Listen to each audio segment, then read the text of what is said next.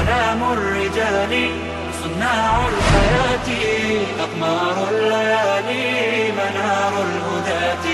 أعلام الرجال صناع الحياة أقمار الليالي منار الهداة. فزالوا سباتي وصاروا بذاتي نشيد الحياة. وصاروا بذاتي نشيد الحياة.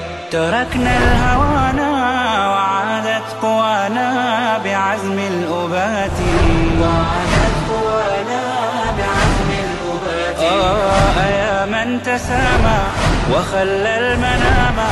جرى العمر يمضي ورا من سراما جرى العمر يمضي ورا بسم الله الرحمن الرحيم. إن الحمد لله نحمده ونستعينه ونستغفره. ونعوذ بالله من شرور أنفسنا ومن سيئات أعمالنا من يهد الله فلا مضل له ومن يضلل فلا هادي له. أشهد أن لا إله إلا الله وأشهد أن محمدا عبده ورسوله. وقال ربنا في كتابه الكريم بعد أعوذ بالله من الشيطان الرجيم. يا أيها الذين آمنوا اتقوا الله حق تقاته ولا تموتن إلا وأنتم مسلمون. Zahvala pripada Allahu subhanahu wa ta'ala, koga naš gospodar uputi na pravi put, zaista je upućen, a koga ostaju u zabludi, nećemo naći nikoga ko će ga na pravi put uputi. Svjedočim da nema drugog istinskog Boga osim Allaha subhanahu wa ta'ala i da je Muhammed alaihi salatu wa salam posljednji Allahom poslanik poslan sa istinom.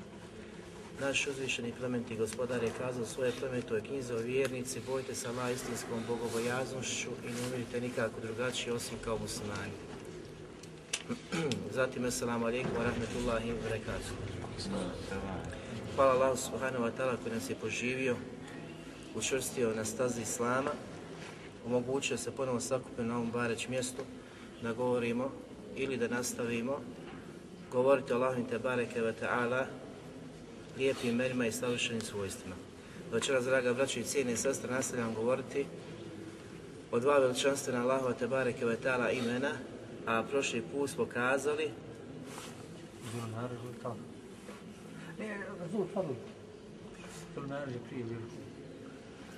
Znači Allahu te barek ve ta'ala ime Zul Tavl i Zul Fadl. Da je Allah subhanahu wa ta'ala istinski jedini posjednik svake vrste darežljivosti i također da je on te barek ve ta'ala posjednik svake vrste hajra dobra da svo dobro dolazi od Allaha subhanahu, subhanahu wa ta'ala. Zatim smo naveli da Allahovo te bareke ve ta'ala ime Lutaul se spominje samo na jednom mjestu u Kur'anu. U kojoj suri? Gafir, ajet je broj broj 3. U trećem ajetu sure Gafir. Zatim smo kazali da Allahu te bareke ve ime Zul Fadl se spominje i navodi u Kur'ana koliko mjesta? Na 12 mjesta u Kur'anu smo kazali da Allahu te barek ve ta'ala ime Dhul Fadl se spominje. Zatim smo naveli govore učenjaka što su kazali kada se odnosi na Allaha te u značenju, u značenju. Pa smo onda naveli niz, niz plodova koji proizilaze iz poznanje ovih Allahu te barek ve ta'ala imena. A kazali smo da jedan ajet obuhvata sve to pa kaže Allah subhanahu wa ta'ala koji ajet? وَإِن تَعُدُّوا نِعْمَةَ اللَّهِ Kada bi se pokušali Allahove tebareke ve ta'ala blagodati i njime te pobrati, ne biste nikada bili u stanju to znači učiniti. Toliko je znači neizmjeni Allahovi tebareke ve ta'ala blagodati koje, kojima nas on subhanahu wa ta'ala obasipa, koje su vidljive i nevidljive, da mi nismo u stanju to da nismo u stanju to pobrati. Također, znači ovo što mi pokušavamo e, da dođemo do nekih plodova koji proizilaze iz navedenja Allahu i Tebare Kvetara imena, to je općenito ono što čovjek treba da zna, što čovjek treba da zna i da na tim stvarima, da na tim stvarima Allahu subhanahu, subhanahu wa ta'ala zahvaljuje, da ne bi bio od onih koji su spoznali Allahove subhanahu wa ta'ala blagodati i znali za Allahove tabareke wa ta'ala blagodati, Allah Đelšan kaže nakon toga slumme yunkirunaha. A nakon toga su sami poricali te iste blagodati. Učinjaci kažu da je poricanje ovdje došlo u značenju nezahvalnosti. nisu bili od onih koji su Allahu subhanahu wa ta'ala zahvaljivali na tim blagodatima. blagodatima. Allah što on kaže, ja'rifune ni'met Allah. Oni su spoznali i znaju za Allahove blagodati. Sume yunkirunaha. A nakon toga su i poricali. Ovo poricali, znači odnosi se da nisu kazali, alhamdulillah, nisu te iste blagodati pripisali Allahu subhanahu wa ta'ala, a on je, subhanahu wa ta'ala, zul fadlil azim. On, subhanahu wa ta'ala, koji je opisan neizmjernim dobrom, da svo to dobro potiče od njega. I tako sve te blagodati koje mi uživamo i svi drugi, sva stvorenja, moraju se pripisati Allahu subhanahu wa ta'ala i moramo Allahu subhanahu wa ta'ala šukr, šukr činiti na istim. Tako da smo došli do plodova, odnosno sljedećeg ploda koje proizilazi iz ovih Allahovi Tebare koje tala lijepih imena, a to je da Allah subhanahu wa ta'ala i svoje neizmjene dobrote, svog dobra i fadla prema svojim iskrenim vjernicima, muminima, čini to da ih čini postojanim, čvrstim na Allahom Tebare tala putu. Ne dozvoljava da ih šetan zavede. Ne dozvoljava da šetan utiče na njih. Iako su oni znači u fazi borbe, dok su na Dunjalku, stalno je faz, znači, borbe sa šeitanom. Šeitan ne miruje, šeitan ne spava, šeitan je uvijek tu i uvijek je pored nas. Ne popušta i ne ostavlja nas. I uvijek, znači, nastoji i želi da nas zavede. Želi da nas zavede, želi, ali želi da nas odvede sa staze istine, sa staze poslanika, ali salatu wasalam, jer nije zadovoljan, nije zadovoljan da bude sam u džehennemu nego će iskoristiti svoje vrijeme maksimalno da što više ljudi zavede i odvede sa puta istine. Ali Allah dželle dželaluhu i svoje neizmjene milosti, svoje neizmjene dobrote i plemenitosti dobra prema nama, prema vjernicima, daje, znači, čini nas čvrstim, postojanim na ovom u dunjaluku, na stazi istine, na putu istine, a šeta znači isputava i ne dozvoljava da, da nas zavede. Allah Đelešanu kaže u Kur'anu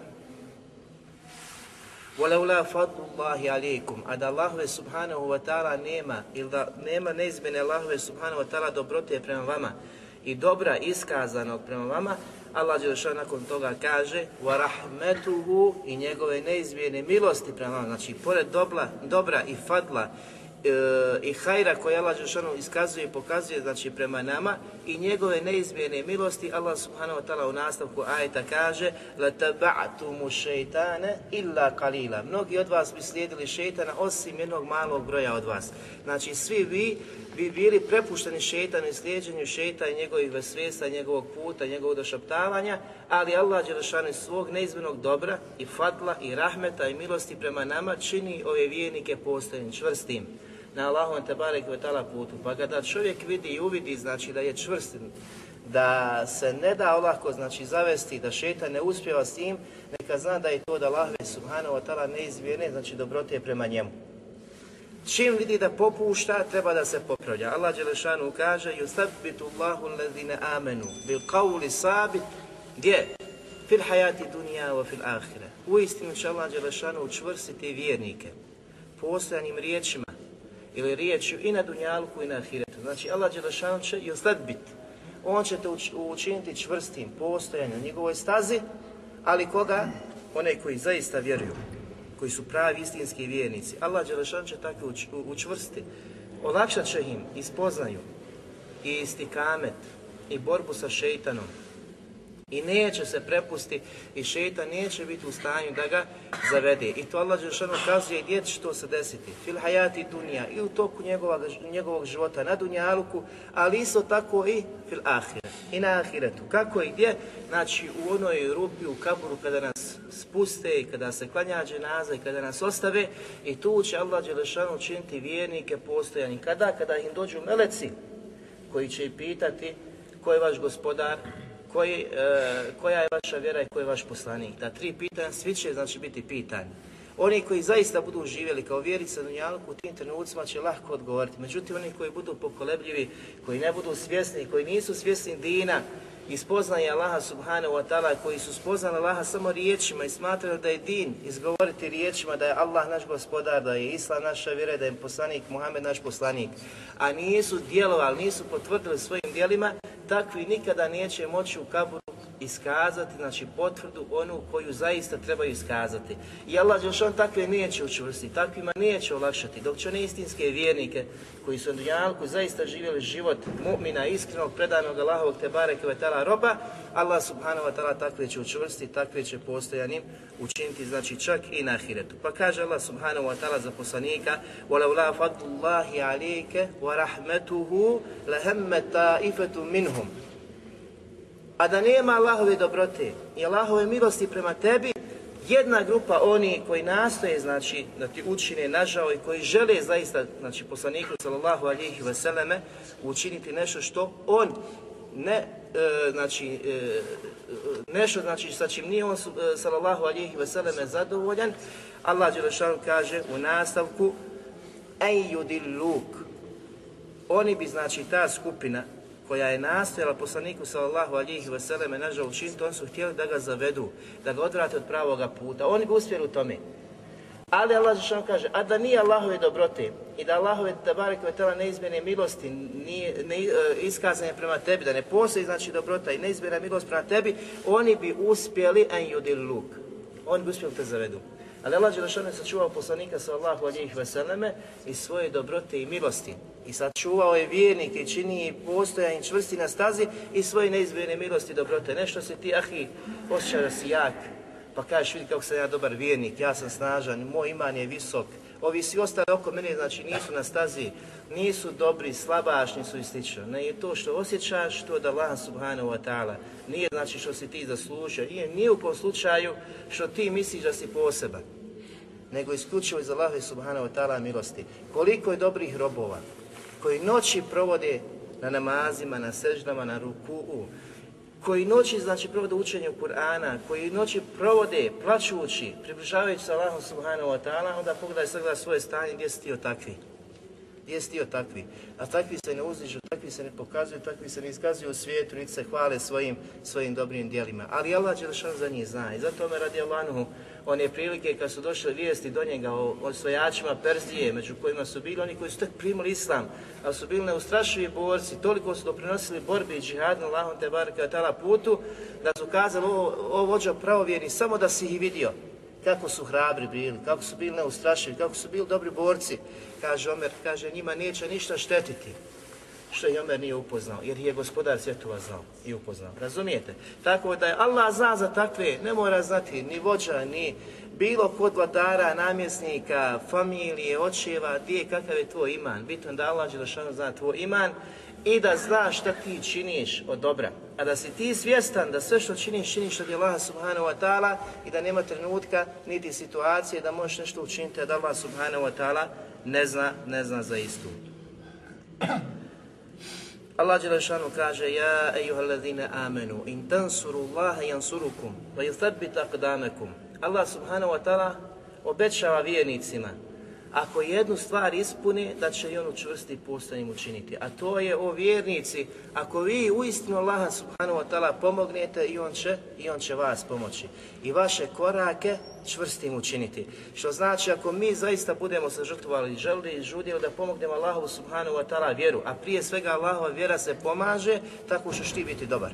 Ne da nastojiš pomoći druge, a u stvari sam sebe zapostavio. Ne, ti se popravi, ti znači analiziraj svoje stanje, pre, uh, vidi gdje si, šta se od Allaha i Tabara Kvetala propisa njegovi naredbi, gdje si u zabranama koje Allah subhanahu wa ta'ala znači zabranjuje vjerniku da čini. Pa kada se tu popraviš, onda pokušavaš da taj duh koji si doživio i taj dar od Allaha subhanahu wa ta'ala, to je nur upute, nur spoznaje, pokornosti, Allahu subhanahu wa ta'ala pokušaš prenijeti na druge, da i drugi to osjeti ono što si ti osjetio. Ali ako ti nisi slast vjerovanja i slast robovanja Allahu subhanahu wa ta'ala prema Allahu osjetio, kako ćeš tu istu slast pokušati prenijeti na druge? Nisu u stanju. Može biti suhopadno pričanje, prepričavanje, znači puko izgovaranje nečega bez bez pravog imana koje treba da osjetiš u svom srcu, u svojim postupcima, da ono što te nosi, da činiš žunja, znači za susretom sa gospodarom te bareke vetala, ali isto vrijeme iman, vjerovanje u Allaha subhanahu wa ta'ala. Kao da vidiš Allah, iako ga nisu u stanju vidjeti, on tebe vidi, ali toliko znači si e, poletan u svom robovanju prema Allahu subhanahu wa ta'ala, toliko znači to doživljavaš kao da vidiš Allah, nisi ga u stanju vidjeti. ali nastoji znači toliko činiti. I to je ono čime možemo snažiti našu vjeru. Da se mi popravimo, da pokušamo popraviti druge. Kada Allah Đelešan uvidi u nama, da se trudimo, da se na, nastavimo, znači zalažemo za njegov din i njegovu vjeru, on subhanahu wa ta'ala će pružiti pomoć vjernicima i učvrsti naše korake u bilo kom pogledu, prvenstveno znači korake u našem vjerovanju. Jer najveća hasara, gubitak koji može čovjek vjernik doživjeti na Dunjalku je pad njegovog imana. Ne da ti neprijatelji dođu, da te ubiju, da ti znači, čine to što žele i što žude da ti, da ti učine, nije to tvoja hasara, nije tvoj gubitak to. Najveći gubitak tvoj je da ti popustiš u vjerovanju. Da popustiš u vjerovanju, da ostaviš vjeru, da zapostaviš vjeru, da su gafletu i zaboravu prema Allahu te bareke, te bareke ve. Međutim, najveći užitak jeste da si prepušten Allahu subhanahu wa ta'ala, da pokušava se izvršavati sve ono sa čim je on subhanahu wa ta'ala zadovoljan, a da se kloni svega onoga što on subhanahu wa ta'ala ne voli, znači da se nađe kod jednog, kod jednog vjernika. Allah Đelešanu kaže u Kur'anu, kul nazzalehu ruhul kudus.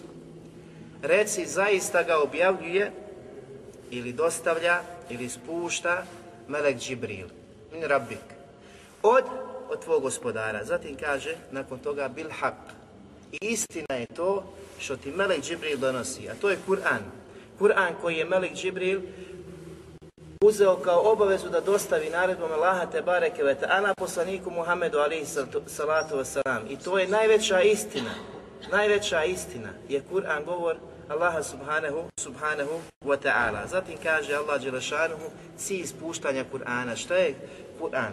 Ono znači mi danas žudimo i tragamo, a to je kako ostati čvrsti posljednji Allahom te barek wa ta'ala putu u vremenu previranja, fitnije, iskušenja, belaja i nedača i svega ovoga što se dešava umetu poslanika sallallahu alihi wasallam.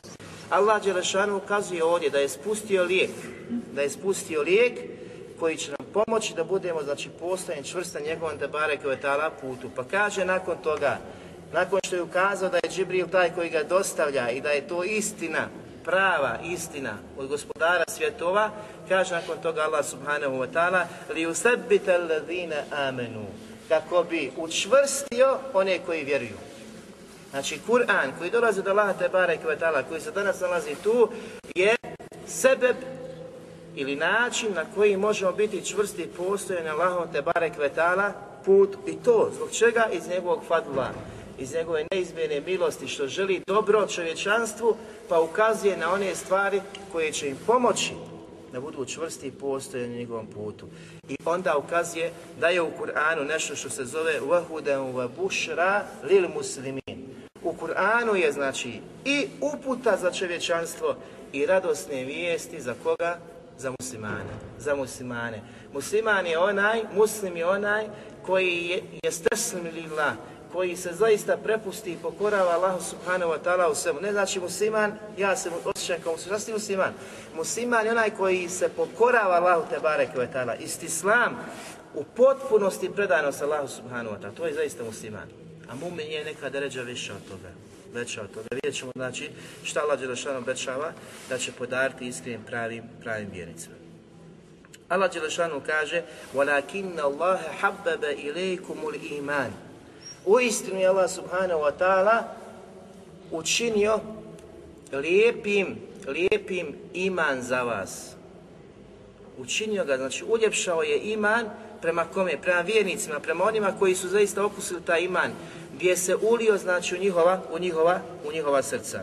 وَزَيَّنَهُ فِي كُلُوبِكُمْ I on je taj koji je ukrasio vaša srca imanom. Pogledajte kako Allah što pojašnjava. Kako? Allah Đelšan je taj koji vam je podario iman kao dar, kao poklon od njega. Zatim je vaša srca ukrasio, ukrasio imanom. Ukrasio imanom. Zatim kaže Allah Đelšanu وَكَرَّهَ إِلَيْكُمُ الْكُفْرَ wal fusuqa wal isyan.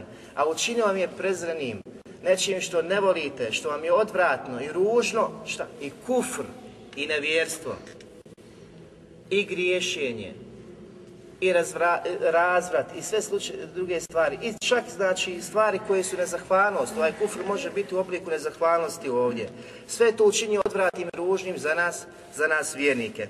Zatim kaže Allah Đelšanuhu, nakon toga, ulaike kumur rašidun. Uistinu su ti koji tako osjete da im je iman dar kao dar, da je Allah Đelešanu to dao kao dar i oni su to osjetili, uljepšao njihova srca i živi na taj način. U isto vrijeme preziru i kufr, i nevjerstvo, i griješenje, i razvrat, i sve znači čim Allah subhanahu wa ta'ala nije zadovoljan, uistinu je takva skupina na, na pravome putu.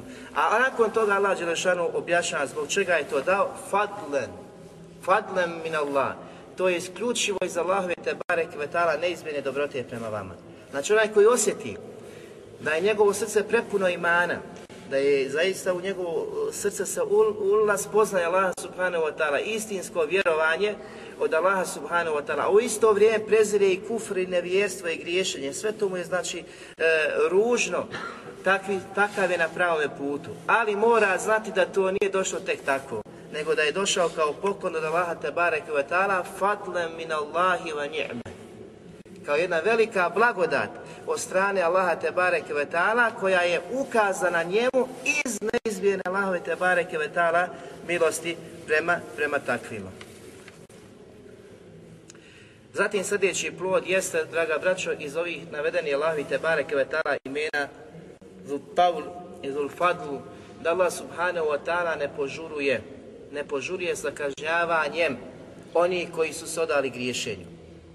Znači, iz Allahove subhanahu wa ta'ala neizmjene dobrote i dobra prema stvorenjima, prema svim ljudima, da on subhanahu wa ta'ala ne požuruje da kažava takve. A on je kadar, el kadir, da učini, znači, i da spusti kaznu svakom trenutku. I mi smo svjedoci i vidimo kažnjavanje jednog dijela čovječanstva u drugo opet iste te grijehe čini, ali Allah subhanahu wa ta'ala ne spušta, ne spušta na takve kaznu. I to kažemo da je isključivo iz Allahove te bareke ve ta'ala neizmjene dobrote, a on subhanahu wa ta'ala može, može to učiniti. Allah Đelešanu kaže u Kur'anu u suri Yunus u 60. ajetu وَمَا ظَنُّ الَّذِينَ يَفْتَرُونَ عَلَى اللَّهِ لِكَذِبِ A šta misle, kaže, oni koji iznose laži na Allaha te bareke, te bareke wa ta'ala jeume qiyame. Šta će biti na sudnjem danu? Znači ovdje Ibn Đari Rahmetullah Ali ukazuje da ovaj kuranski ajet ukazuje tačno na ovo o čemu mi govorimo, a to je da Allah subhanahu wa ta'ala ne požurije sa kažnjavanjem, nego se obraća njima. A šta misle oni koji iznose laži na Allaha te bareke koji su odali griješenje, koji ne vjeruju, znači rade sve ono što je Allah subhanahu wa ta'ala zabrani od širka, kufra, griješenja, svih vrsta, utjerivanje poslanika u laž, ubijanje poslanika, sve što su radili kroz istoriju čovječanstva, šta oni misle? Šta oni misle šta će se desiti na sudnjeme danu? Znači oni sada uživaju, nema kazne, nije kazna spuštana, ali šta misle šta će biti na sudnjem danu? I onda Allah Đelšan nakon toga završava kuranski ajet pa ukazuje zbog čega je prepustio, zbog čega im je dozvolio, dozvolio da na takav način i dalje, i dalje žive. Pa kaže Allah subhanahu wa ta'ala Inna Allahe lazu fadlin ala nas. U istini Allah subhanahu wa ta'ala neizmjerno dobar prema ljudima. I se njegove neizmjerne dobrote oni rade i nastavljaju, nastavljaju to da rade što rade razne znači vrste griješenja, ali Allah subhanahu wa ta'ala ne požurije, nego on subhanahu wa ta'ala kako smo kazali, njegovo prelijepo ime El Halim, da je blag prema čovječanstvu, pušta i daje šansu kako bi se neki od njih povratili. I, vid, i mi smo svjedoci da mnogi ljudi koji griješe, koji su odani takvim, e, e, takvim vrstama griješenja, da je Allah nakon toga uputi na pravi put. I mi, znači gdje smo mi sve bili, ko je sve šta činio, griješio, ali Allah subhanahu wa ta'ala vrata Teube je ostavio otvorena do sudnjega dana. Do sudnjega dana su vrata Teube otvorena. Pozivač poziva i doziva, daje su tu, pozivači na svim stranama, dokazi, ajeti, znakovi koji ukazuju na Allah su prisutni. Neko će danas, neko će sutra, neko će za mjesec, neko za 10 godina, neko možda za 50, neko u zadnjim trenucima svoga života će spoznati pa se vrati. I Allah će i tim trenucima prima teubu. I svoje neizmjerne dobrote prema njima i milost. Jednom posvjedoći šehadet iskreno iz srca. I da budu zadnje riječi koje ćeš izgovoriti, ah i ti si dženetlija. Jer ti poslanik garantije to. Jednom samo. Ali ko će to doživjeti? Kome će Allah to ukazati svog fadla? Valike fadlullahi yutihi men ješa. To je Allahovo neizmjeno dobro, daruje ga kome on, kome on subhanahu wa ta'ala hoće. Neko će, znači, nasuprot toga, cijeli svoj život pokušati da bude vjernik. I onda će ga šeitan savladat, pobijediti. I na tom griješenju će se i vrate Allahu subhanahu wa ta'ala. I u takvom stanju će ga Allah subhanahu wa ta'ala proživjeti. I bit će mu stanje ili hukm njegov na onome na čemu je preselio. Na onome na čemu je preselio. Zato kaže poslanik sallallahu alihi vseleme, neko će od vas radi dobra djela stanovnika dženeta, dok ne dođe lakat do dženeta. Pa će ga preteći knjiga stanovnika džehennema, pa će uraditi djela stanovnika džehennema, na tome će na smrt zadesti ući će ući u džehennem. Ili obrnuto, neko će od vas raditi djela stanovnika džehennema, dok ne dođe kao samo lakat do dženeta. Do džehennema, pa će ga preteći knjiga dženetlija, pa će uraditi dobro djelo, neko će mu kazati na pravi put, povjerovat će, vraće se Allah subhanahu wa ta'ala, samo radi malo dobra i Allah mu oprosti uvede ga, uvede ga u dženet. Znači to se dešava na Dunjalku i vidimo mi, znači iako nismo nešto godina puno živjeli, proživjeli na Dunjalku, ali vidimo da ima i onih i ovi. Da ima oni koji su bili na stazi pa su preselili na bila u stanju, u stanju da nisu imali ko sebe ni džume namaza, ja znam takve, a bili su nekada pozivači Allahu subhanahu wa ta'ala. Allah Žešan nije dao taufik, nije dao uspjeh i ustrajnost. Zašto? To samo Allah zna šta je unutrinama našim. Međutim, mi sudimo po spoljašnosti, po vanštini. A Allah zna i Allah da taufik kome hoće, da ga uspjeti na istini. Međutim, ima oni zalima i zulumčara što rade sve što je moguće, znači su radi od razvrata i griješenja, pa ga Allah Đelešanu počasti. Počasti ga zbog nečega. Allah zna, on je al-hakim, mudri, sveznajući, zna zbog čega i kako. Tako da Allah Đelešanu ne upućuje i ne ostavlja u zabludi što nekom želi znači nanijeti zlo i zulum učiniti, nego sve to čini iz svog, znači, adla, pravednosti potpune i iz svoje, znači, mudrosti, da tako ljudi završavaju i končavaju na dunjalku. Allah Đelešanu kada govori o potvori koja se desila prema našoj majici Ajši radi Anha i oni koji su sve to činili i radili, opisuje stanje na kraju znači te priče, svima i ona poznata. Nama je šahid i dokaz ono što ćemo navesti iz Kuranskog ajeta.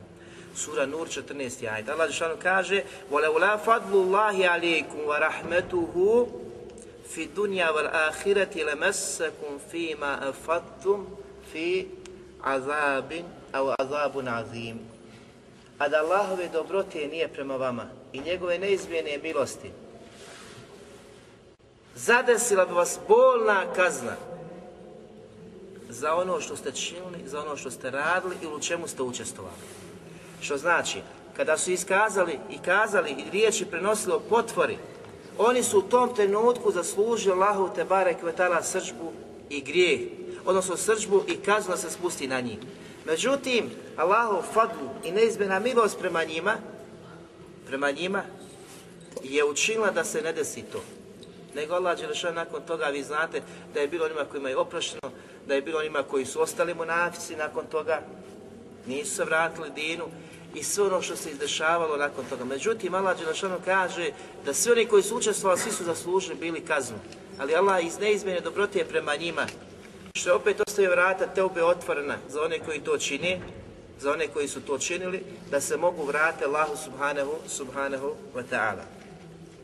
Zatim sljedeći plod koji proizilazi iz spoznanja ovih navedenih Allahu te bareke ve ta'ala imena jeste da Allah Đelešanuhu daje mutekijama, pravim iskrenim vjernicima, basiru,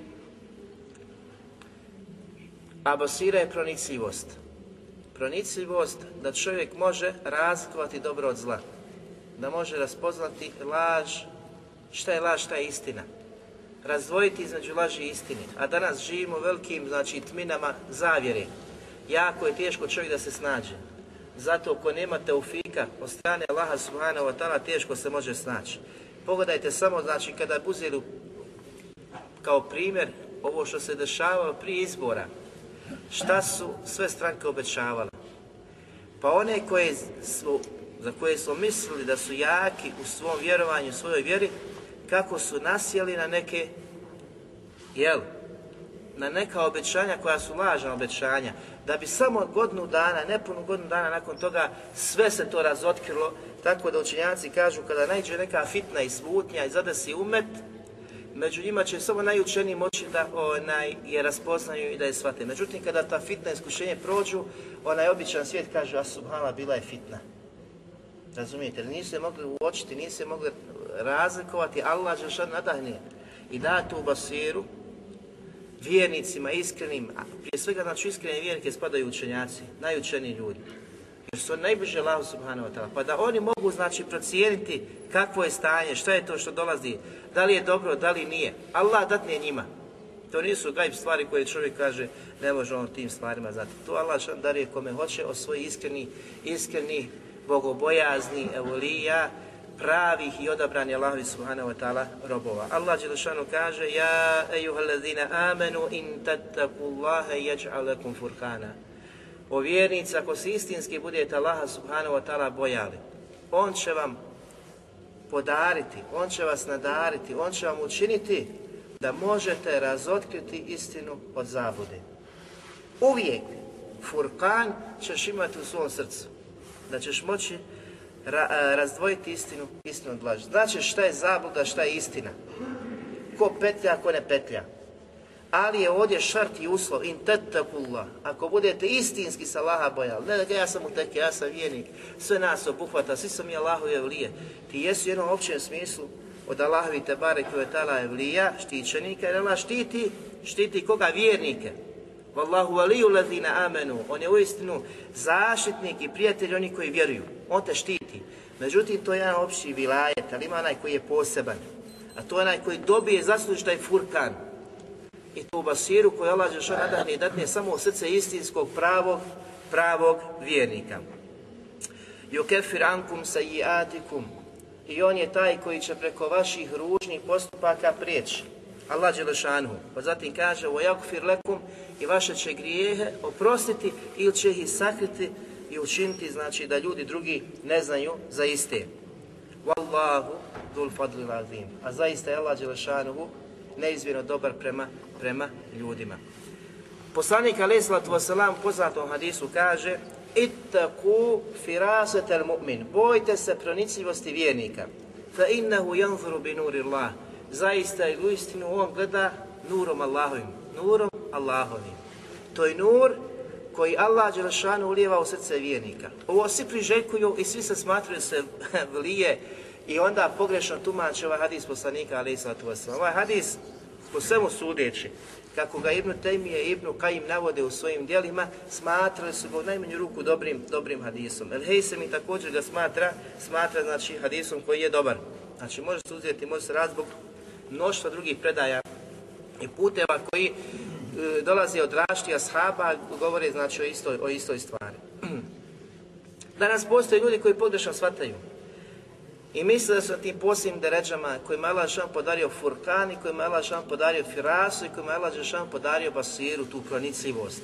Pa onda svojim tim olahkim shvatanjem kaže ovaj instan je takav, ovaj instan je takav. Pa ćete vidjeti za one dede i sve što se prošlo kroz ovo, da su oni uzimali u osnovi na ovakav način. Pa kaže, ako dedo kaže ti je dobar brak, beri četni za mustakbel, za budućnost i se oženiti, znači slobodno to učini. Razumijete? Zato što su slali takvima, smatriš da oni imaju tu firasu i basiru koja gleda nurom Allahovim te bareke, te bareke vetala. Razumijete? Pogrešno shvatili. Kad ti odeš i vidiš tog insana, insan daleko od bogobojaznosti, in, insan daleko od pokornosti, insan daleko od sunneta poslanika, ali islatu wasalam, insan daleko, daleko, daleko, daleko od svega.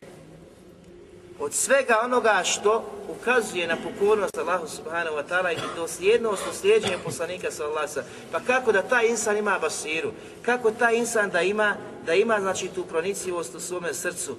Pa da onda kad te pogleda ovako da skonta kakav si. Danas imate učenjaka, Allah im je dao tu basiru ulio njihova srca, kada mu dođe šah i on zna da li si došao u povodu delaleta, izvlačenja fetve, da bi nakon toga, znači, pogrešno je prenosio i pogrešno tumačio. Allah što mu dadne to i ne želi da te odgovori, pa ti se vratiš kućka i kakav je naš neće nije došao sa istinom, tražeći istinu, o zaz, osjeti zbog čega si došao, osjeti.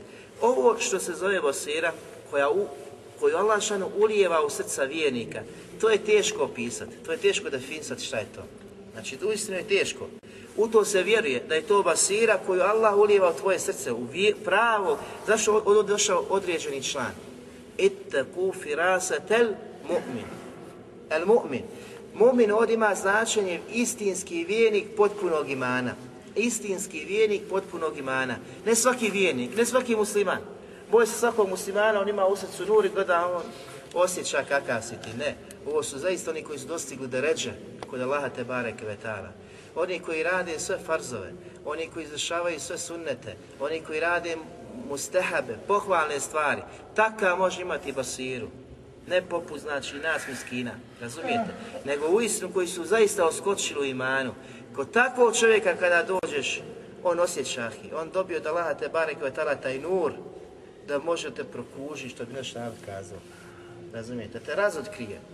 Zbog čega si došao. Učenjaci dijele ovu basiru, ovu pronicljivost, znači kažu da postoji jedna pronicljivost koju uistinu Allah subhanahu wa ta'ala ulijeva u srce i teško je definisati.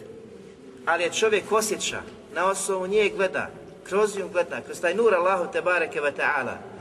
Razumijete? Ima ona pronicljivost koja pomoću znakova, stanja, koje je već bilo, ukazuje na činjenično stanje nekoga. Razumijete? Tvoja praksa meni onaj, daje za pravo da mislim o tebi na određen način. Znam kakav si, znam šta si radio, došle su vijesti, vidio sam te.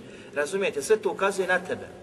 Za ovaj primjer učenjaci navode primjer hadis poslanika alaih sallatu wasalam, tri su svojstva monafika.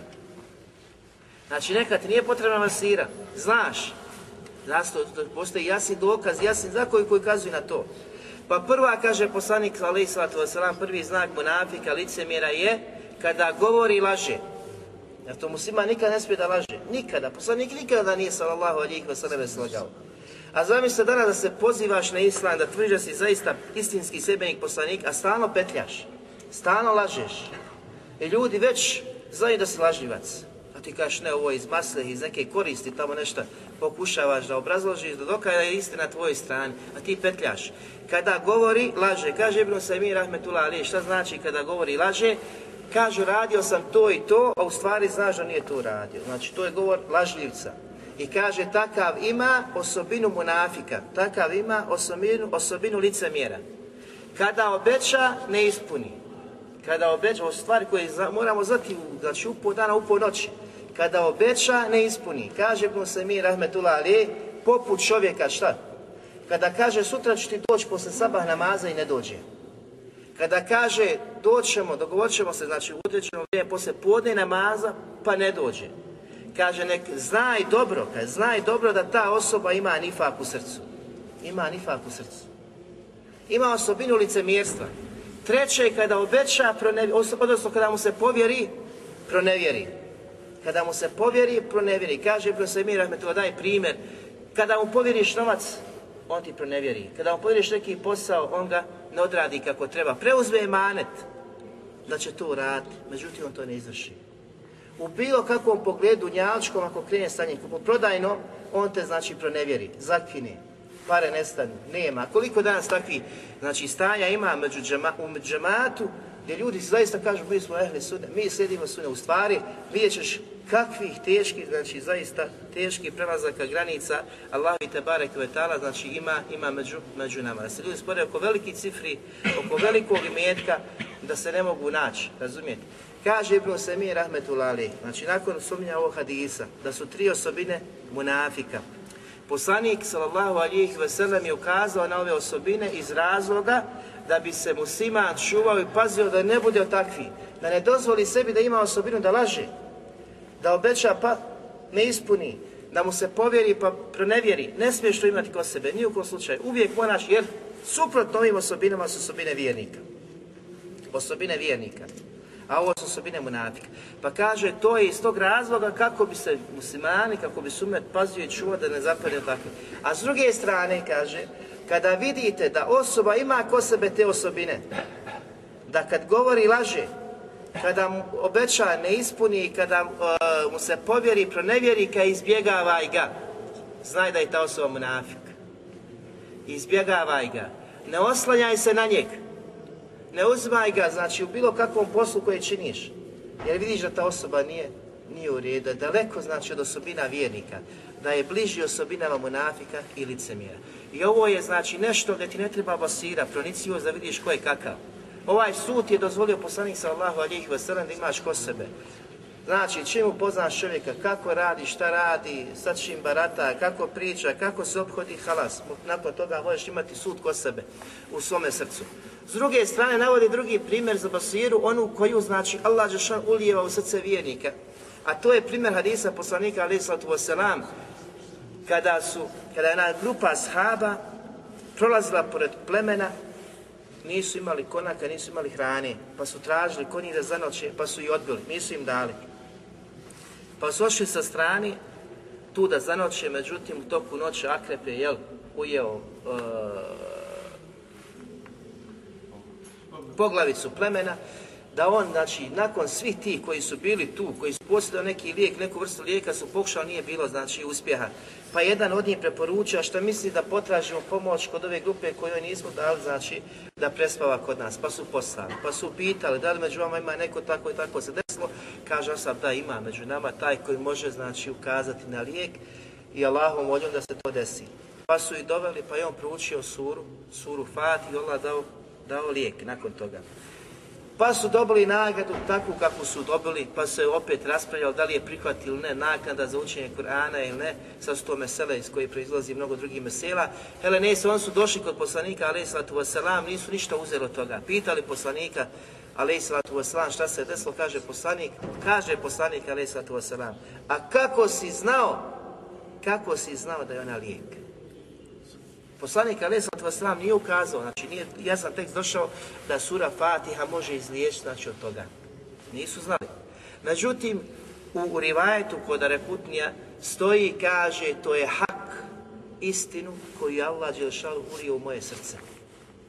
Kažu učenjaci, to je basira koju je imao, znači pronisivost koju imao ovaj asab poslanika sallahu alihi vseleme, da je znao da je u tom trenutku to istina, da se ti može, znači, izliječiti osoba koja je znači to, koju je snašlo to što je snašlo. Pa vidimo znači da je Allah Đelšao dao taj nur, dao taj nur upute u srce toga sahaba da je znao gdje je lijek, gdje je lijek, gdje drugi nisu znali. Pa se o, ispostavilo da se to podudarilo sa propisima šarijata, da nema tu nešto znači da da onaj dodaje što nije od šarijata, jer je poslanik alaih sallatu još uvijek bio živ, mogao je znači da potvrdi ili negira, negira postupak ashaba poslanika sallallahu alejhi ve sellem. Zatim kaže Allah dželešanuhu: "Walau walau la fadlullahi alejkum wa rahmetuhu ma zaka minkum." A da Allahove neizmjene dobrote i blagodati prema vama nema, niko od vas se nikada ne bi, nikada ne bi očistio. Ma zeka Znači, nikada se ne bi očistio neko min ehadi minkum. Bilo ko od vas. Da Allahove dobrote i milosti prema vama nema, da nije iskazan Allahova milost dobrota prema vama, nikada niko se od vas ne bi očistio. Od čega? Od grijeha. Nikada vam Allah ne bi oprostio, nikada se ne bi uveo u džennet. A šrt i uslov za ulazak u džennet je tvoj iman. Znači, tvoje griješenje što činiš, ne bi se mogao očistiti, ne bi se mogao pokajati od kufra, od širka, nevjerstva, velikih grija, sve, da nije Allahove neizmjene dobrote i milosti prema, prema vama. Zatim kaže Allah Đelešanu, وَلَكِنَّ اللَّهَ يُزَكِّي مَنْ يَشَا A Allah Đelešanu je taj koji čisti koga hoće od vas. Znači, On ponovo je taj koji čisti, koji prima pokajanje, koji ukazuje na teubu pokajniku, kome hoće od vas. Ne svi, nego kome on, subhanahu wa ta'ala, hoće. Wallahu Wallahu sami'un alim. U istinu Allah šan sve čuje i sve vidi. Pogledajte završetka. Allah šan sve čuje i sve vidi. Čuje znači onoga koji se želi pokajati, koji iskazuje riječ pokajanja. I vidi, i vidi onoga koji, koji hoće, znači, koji hoće da se pokaje. Zna njegovo stanje. Allah šan vidi i čuje i zna njegovo stanje. I završava. Ali da nije Allahove dobrote, i da nije Allahove milosti prema vama, nikada niko se od vas, ebeda, Lašan kaže, ebeda, nikada se niko od vas ne bi očistio od grijeha, nego to iz njegove neizmjene milosti, dobrote prema nama, dozvoljava da možemo da se očistimo i da se njemu, da se njemu vratimo. Zatim, zadnji pod koji ćemo navesti, od Allahove subhanahu wa ta'ala neizmjene blagodati prema vjernicima, prema vjernicima, znači iskrenim robovima, je i ta da ih nagrađuje i više nego što oni zaslužuju za njihova djela. I više nego što oni zaslužuju. Znači imamo određene kuranske ajte, hadisa poslanika alaih salatu wasalam, gdje se navodi kuradi to i to ima to. Nagrada mu je ta, razumijete? Međutim, Allah Đelešanuhu i svoje neizmjene dobrote prema robovima daće tu obećanu nagradu, ali i više od toga. I više od toga. Allah kaže فَأَمَّا الَّذِينَ آمَنُوا وَعَمِلُوا الصَّالِحَاتِ فَيُوَفِّيهِمْ أُجُورَهُمْ وَيَزِيدُهُمْ مِنْ فَضْلِهِ U istinu koji budu vjerovali i dobra djela činili, Allah će ih nagraditi za njihove, njihova djela koja su činili. Allah će ispuniti svoje obećanje, nagradu će dobiti. Pa kaže, i više od toga će im dati. Od čeg, zbog čega kaj mi fadli? Iz njegove neizmjene, neizmjene dobrote prema robovima. Znači, Allah će ispuniti svoje obećanje, nagradit ćete za ona djela koja si činio i kakva znači nagrada slijedi. Međutim, Allah subhanahu wa ta'ala će vjernicima dati više od toga i više od onoga što je obećao. Zatim kaže Allah Đelešanuhu لِيَزِيَهُمُ اللَّهُ أَحْسَنَ مَا عَمِلُوا I Allah Đelešanu će ih nagraditi, daće im nagradu za najljepša djela koja su činili. Na najljepši način koja su, uh, koji su, s kojim su činili ta, ta djela. Pa kaže وَيَزِيدَهُمْ مِنْ فَضْلِ I on subhanahu wa ta'ala će im dati još više iz svoje neizmjene, neizmjene dobrote prema njima. Znači, Allah će te nagraditi i podarčiti sve ono što ti je obećao. Međutim, očekuj nagradu veću od toga. Veću od toga. Od onoga što si ti činio. Pa kaže Allah šanu, Allahu jerzuku men ješa, a on subhanahu wa ta'ala daje obskrbu kome on subhanahu wa ta'ala hoće, ali pogledajte, bi gajri Bez tvojeg nekog truda. Kome hoće dati, znači, obskrbu, bez da se trudiš, bez uloženog truda. Kome hoće, može i tako naći ti se nekad slomi tražeći nema. A nekad subhana ne očekuješ on doći. Neočekivano. Ali to nije došlo što te neko pripazio, da kažeš od njega, došao da Allah subhanahu wa ta'ala, on vodi brigu o stvorenjima. On znači vodi brigu, u njegovoj ruci je obskrba, u njegovoj ruci je vlast, jer je posljednik dereživosti, posljednik svakog dobra, svake vrste dobra. I kada bi pobrajali sve ove blagodate Allaha subhanahu wa ta'ala, nikada ne bismo znači, bili u stanju da ih pobrojimo. S ovim ćemo završiti. Molim Allah subhanahu wa ta'ala da se učinu iskreni pravi vjernika, da oprosti nema našim roditeljima, da naša srca zbliži, da nas učusti na istini, da nas usmrti na istini, da nas proživi u društvu vjerovjesnika, dobrih ljudi, šehida i svi oni koji budu slijedili njihov, njihov put. Subhanak Allahum hamdika, šadan la ilaha ila enta stakavika tu bolje. Ođe zlakum